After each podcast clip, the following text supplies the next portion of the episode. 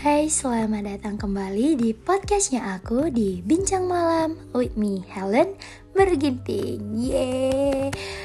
Uh, Sebenarnya terasa ya tahun ini kalau misalnya orang-orang bilang kayak wah nggak terasa bentar lagi 2023, but untuk hidupku kayaknya tahun ini sedikit berasa. Cuman ya I don't know, pemikiran setiap orang itu berbeda-beda. Mungkin dia enjoy dengan tahun 2022 ataupun masih ada orang yang menunggu part 2 dari 2019 atau 18.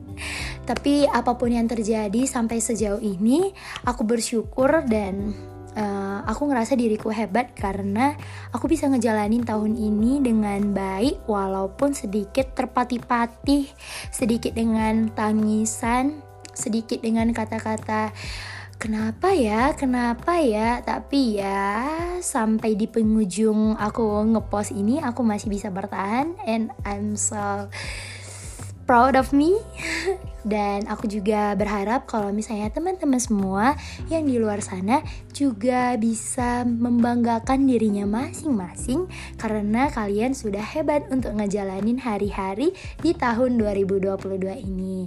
Nah, sebenarnya tuh aku nggak mau ngepost atau nge-up podcast kalau misalnya judulnya bukan 2022 Nah kemarin itu aku udah buat podcast mengenai 2021 tuh tahun kemarin.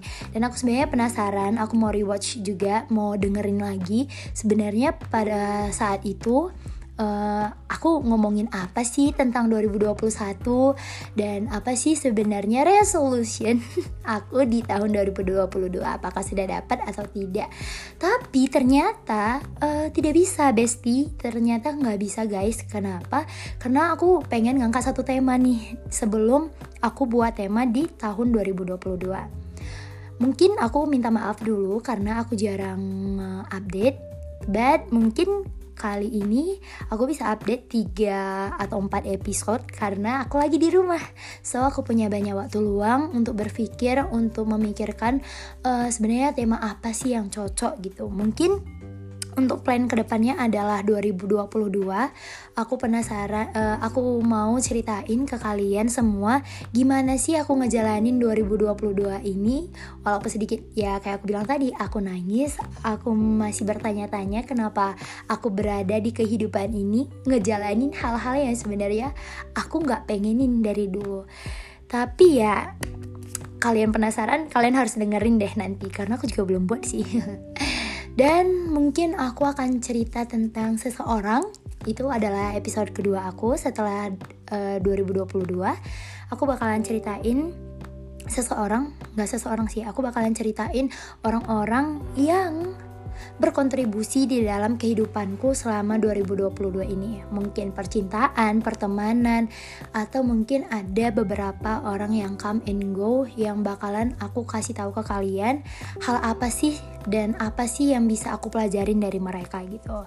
But today aku pengen ngangkat sebuah tema yaitu dengan kalimat seandainya aja titik titik titik aku pasti uh, contohnya tuh kayak gini Seandainya saja nih ya, aku punya uang yang lebih banyak seperti anak itu, pasti semua orang akan menganggap aku adalah orang yang tersenyum ramah. Gimana sih?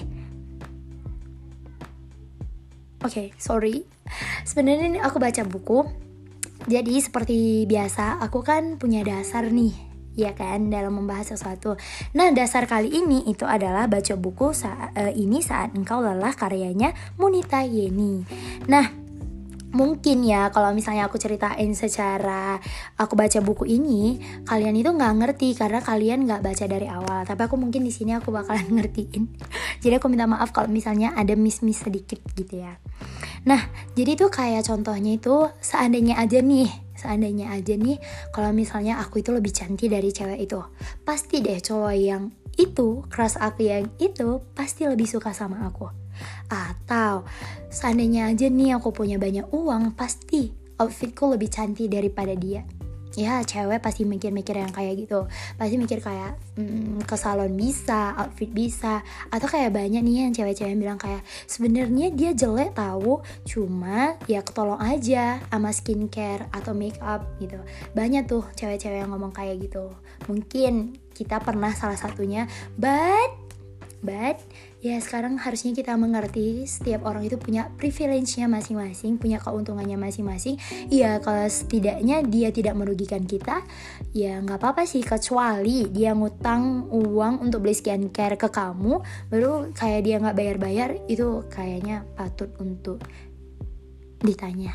Dia sebenarnya bergaya dengan uangnya sendiri atau dengan uang orang lain. Kenapa jadi cuit? Oke. Okay. So, di buku ini ngajarin aku bahwa setiap kehidupan kita, setiap manusia itu pasti selalu berpikir bahwa seandainya saja kita selalu hidup di dalam sebuah bayang-bayangan dengan kalimat seandainya saja. Bisa lagi nih ya paling sering itu ada seandainya aja nih aku lulus di tempat ini pasti deh semua orang bisa suka sama aku. Atau seandainya aja nih kalau misalnya cowok-cowok ya seandainya aja nih aku punya seragam kayak cowok-cowok yang lain tuh. Pasti tuh semua cewek-cewek mendekat sama aku. Dan itu kayak bukan cuma satu dua orang aja sih yang aku dengerin tapi kayak banyak dan termasuk juga aku. Aku selalu hidup di dalam sebuah bayang-bayangan yang kayak gini. Seandainya aja aku lulus di tempat yang aku inginin kemarin, aku yakin deh pacar aku sekarang itu pasti bukan seseorang yang biasa-biasa aja atau seandainya aja kalau misalnya aku lulus kemarin, pasti deh orang tua aku lebih senang gitu. But in fact, pada nyatanya hal yang semuanya seandainya saja itu dan itu kayak sebenarnya nggak nggak relatable gitu tau gak sih kayak misalnya tadi aku pengennya kan seandainya aku bisa dapat yang di tempat yang aku inginin. Belum tentu juga aku bakalan dapat pacar yang sesuai dengan yang aku inginin kemarin tuh. Yang kayak menurut aku ekspektasi aku udah terlalu tinggi nih sama tempat ini. Tapi ketika aku dapat belum tentu. Karena sesuatu yang menurut kita uh, itu yang ketika kita dapatkan akan membuat kita bahagia, belum tentu itu akan membuat kita bahagia. Contohnya, misalnya kamu itu pengen uh, kerja nih di salah satu perusahaan yang di mana mungkin gajinya hampir 30 juta. Nah, menurut kamu, kamu akan bahagia dengan gaji yang 30 juta. Tetapi ketika kamu sudah masuk ke dalamnya, melihat orang-orang lain yang lebih tinggi gajinya, kamu pasti berharap kamu akan mendapatkan gaji yang lebih tinggi lagi. Dan kamu gak bahagia stuck di dalam 30 juta tersebut. Kamu pasti pengen lanjut lagi kayak kayak orang-orang. Mungkin tambah lagi ke 35 juta, 40 juta. Nah, ketika kamu udah dapat 40 juta, kamu harap kamu bahagia? Tidak, kamu akan mencari sebuah pasangan lagi yang lebih dari kamu atau kayak minimal setimpal lah ya, bukan yang kalau untuk cowok sih dah bukan yang kayak gitu ya kan jadi setiap kebahagiaan itu sebenarnya kita nggak bisa ukur di dalam suatu pengukuran dalam ekspektasi kita. Karena pada realitanya sebenarnya kebahagiaan itu ada di sekeliling kita. Hanya saja kita tidak mengizinkan kebahagiaan itu berada di dalam kita. Karena banyak spekulasi yang kalau misalnya kayak jangan sering-sering ketawa ketawanya agak-agak ditahan. Takutnya ntar lagi nangis Nah, itu adalah spekulasi yang sering diomongin bahkan even aku pun kayak gitu. Tapi sekarang itu yang harus kita sadarin adalah bahwa kebahagiaan dan kesedihan itu adalah balance. Mereka akan selalu berjalan bersamaan. Jadi kayak bahagia, sedih, bahagia, sedih ngerti gak sih kalau misalnya kamu bahagia terus kamu gak bakalan ngerasain itu bahagia itu kayak sebahagia itu pasti rasanya kayak flat aja datar aja ngejalanin hidup tapi kalau ditambah kesedihan kamu tahu nih rasanya sedih baru kamu tahu lagi rasanya bahagia. Gitu juga dengan kesuksesan dan kegagalan. Kamu gak bakalan tahu rasanya sebuah kesuksesan, kebahagiaan kesuksesan kalau kamu gak pernah gagal. Nah, masalahnya ada beberapa orang yang merasa dirinya selalu gagal. Nah, kenapa kayak gitu? Ya, saya juga tidak tahu karena saya juga merasa saya adalah seseorang yang selalu gagal. But actually sebenarnya um, tidak kayak gitu sebenarnya. Tahu gak sih? Pelajaran yang paling hebat yang aku aku pelajari di 2022 itu adalah sebenarnya kita itu adalah orang yang sangat berharga dan orang yang sangat beruntung di tempat yang tepat. Kalian penasaran kan? Nah, kalau misalnya kalian penasaran, kalian dengerin aja nanti di podcast aku di 2022. Kalian bakalan tahu maksud aku itu apa. Nah, back to topic jadi ya kayak aku bilang, kalau misalnya kita selalu hidup dalam sebuah planet bayang-bayangan yang kalau misalnya kita selalu mikir seandainya aku punya ini, pasti aku bisa melakukan ini. Nah, semua orang kayaknya pasti ngelakuin hal yang sama. Kenapa? Karena anggapan kita adalah terlalu miskin dengan melihat kehidupan dan realita yang kita punya sekarang. Kita selalu menganggap daun mereka lebih hijau daripada daun milik kita sendiri. Dan semua orang itu terlihat bahagia, lebih bahagia dibandingkan kita sendiri. Tapi kita nggak tahu di dalam mereka juga apa. Kalian tahu nggak sih ada lagu seorang Nadine ya aku adalah penggemar beratnya Nadine Amijah kalau misalnya kemarin kalian nonton konsernya Nadine Amijah aku nggak nonton. Aku cuma lihat di kan uh, di F, uh, di TikTok doang. Dan ya aku sedikit sedih dan aku sedikit berharap I wish I can uh, nonton konsernya Nadine suatu saat. Uh, tapi ya semoga aja uh, itu adalah wishlistnya aku gitu jadi setiap orang itu punya kesedihannya masing-masing.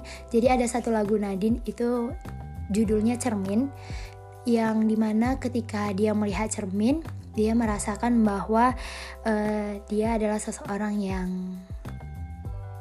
nggak mana ya yang kayak sedih gitu loh yang menurut dia cermin itu lebih bisa menggambarkan dan menunjukkan ke orang-orang bahwa dia terlihat bahagia untuk orang yang butuh. Jadi kayak dia selalu mengukir senyuman supaya aman untuk orang-orang di sekitarnya nggak buat orang lain khawatir gitu dan itu membuat aku sadar bahwa setiap orang itu punya kesedihannya masing-masing, punya cerminnya masing-masing, bahwa setiap orang itu ya nggak sebahagia yang kita pikirin. Mungkin mereka dapat apa yang kita inginin, tapi mungkin mereka juga nggak sebahagia apa yang kita pikirin gitu loh terkadang aku selalu mikir kayak dia udah misalnya punya punya pekerjaan yang mapan baru dia juga punya duit dia punya keluarga harmonis baru tiba-tiba kayak dia sedih tuh kayak kok kurang bersyukur gitu. Padahal sebenarnya aku juga kayak gitu di mata orang yang tepat. Jadi kayak semua orang itu sebenarnya punya masalahnya masing-masing. Nah uh, sebenarnya gue nggak tahu lagi mau ngomong apaan.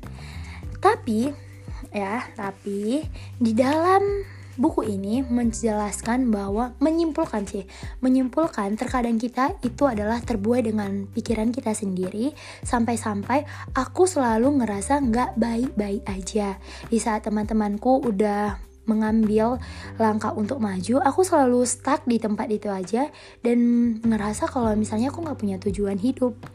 Aku ngerasa kayak setiap apa yang aku jalanin itu akan stuck di situ-situ aja. Uh, hal ini kayak menurut aku cukup berat untuk aku jalanin. Kenapa? Karena aku selalu ngerasa aku nggak secepat teman-teman aku berlarinya gitu kayak mereka terlalu cepat sampai aku nggak bisa ngegapai mereka. Aku ngerasa aku masih stuck di situ aja sedangkan teman-teman aku kayak udah pada meninggalkan diriku sendirian di di tempat yang aku berdiri sekarang gitu. Uh, percayalah setiap apa pun yang dikejar nggak akan selamanya bisa bertahan lama. Kayak hidup itu butuh proses. Hidup itu perlu dirasain dinikmatin bukan dengan cara instan. Kayak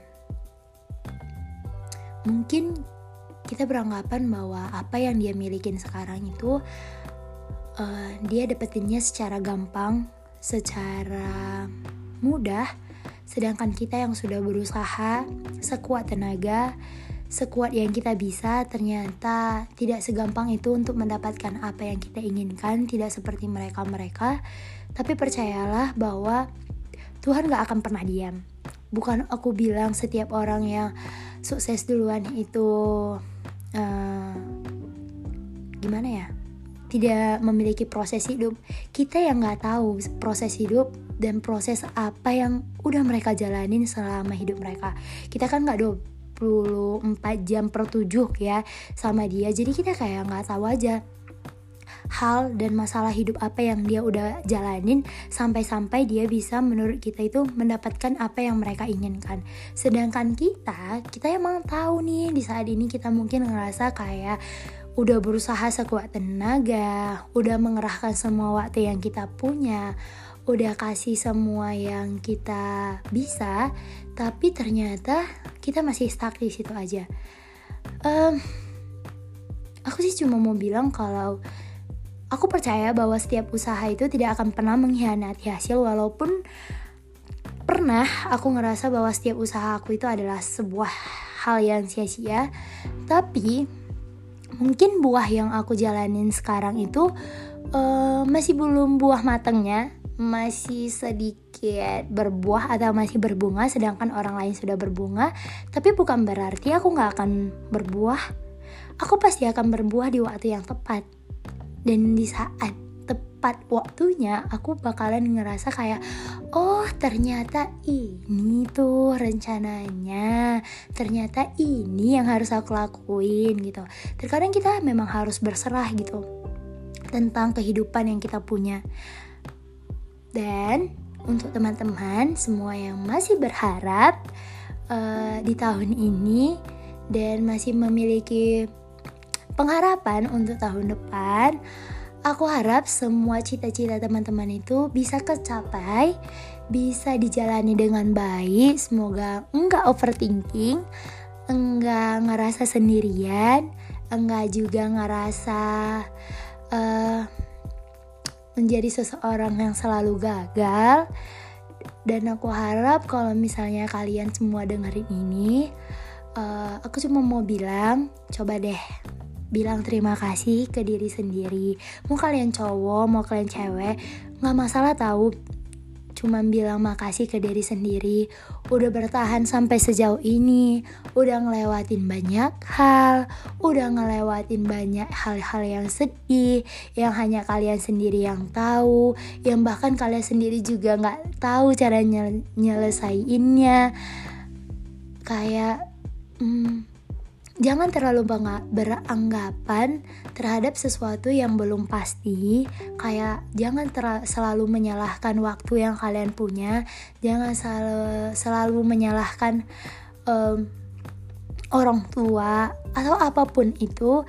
Jangan selalu hidup dalam planet dalam planet seandainya karena pada faktanya kita uh, hidup itu uh, bukan seandainya tetapi kita ngejalanin hidup itu sesuai dengan faktanya sesuai dengan tujuannya. Kita nggak boleh menyalahkan Tuhan waktu keadaan orang tua uh, ataupun apa pun lah. Itu kita nggak boleh karena pada nyatanya sebenarnya itu adalah sebuah proses untuk menuju kita menjadi seseorang yang lebih baik sebenarnya ini gue cuma ngomong doang sih. Tapi kayaknya ngelakuinnya berat banget. Ya I know. Karena gue juga ngejalanin hal yang sama. Tapi aku mau support teman-teman semua. Kalian harus bisa fighting dengan kehidupan yang berat ini. Dengan kehidupan yang selalu mengobrak-abrik perasaan yang sebenarnya bebek aja tapi ya semoga teman-teman bisa suka dengan podcast yang kali ini.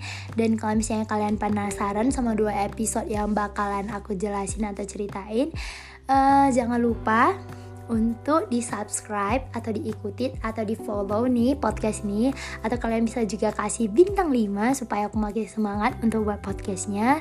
Dan untuk teman-teman yang baru nih pertama kali untuk dengerin podcast ini aku ucapin hi welcome. Selamat datang di podcastnya aku. Semoga kalian suka. Di podcast ini bakal aku bakalan uh, beropini tentang buku yang aku baca atau bahkan tentang keadaan yang aku alamin sekarang. Karena Sebenarnya isi full dari podcast ini adalah beberapa kejadian kehidupan yang pernah aku alamin atau suasana hatiku sekarang. Jadi kalau misalnya teman-teman dengerin ini, uh, kalau misalnya kalian overthinking atau ngebuat kalian sadar dengan sesuatu, uh, terima kasih sudah mau overthinking dan sudah mau memikirkan sesuatu. Kalau misalnya ada pendapat atau opini aku yang sesuai sama kalian, uh, cukup untuk kasih bintang 5 aja. Kalau misalnya kalian ada opini yang aku ah, yang aku punya kalian gak suka kalian bisa DM aku di Instagramnya aku. Uh, terus apa ya? Uh, dan aku harap setelah kalian mendengarkan podcast ini, kalian bisa mengambil secuil dari manfaat dari podcast ini, atau enggak minimal untuk nemenin kalian tidur aja. So thank you yang udah dengerin podcast ini dari awal sampai habis. Uh, semoga apa pun yang kalian inginin, apa pun yang kalian cita-citain, semoga semuanya terwujud. Amin. Dan ya mungkin kali ini untuk podcast kali ini ini aja and see you to my next podcast. Bye bye semua.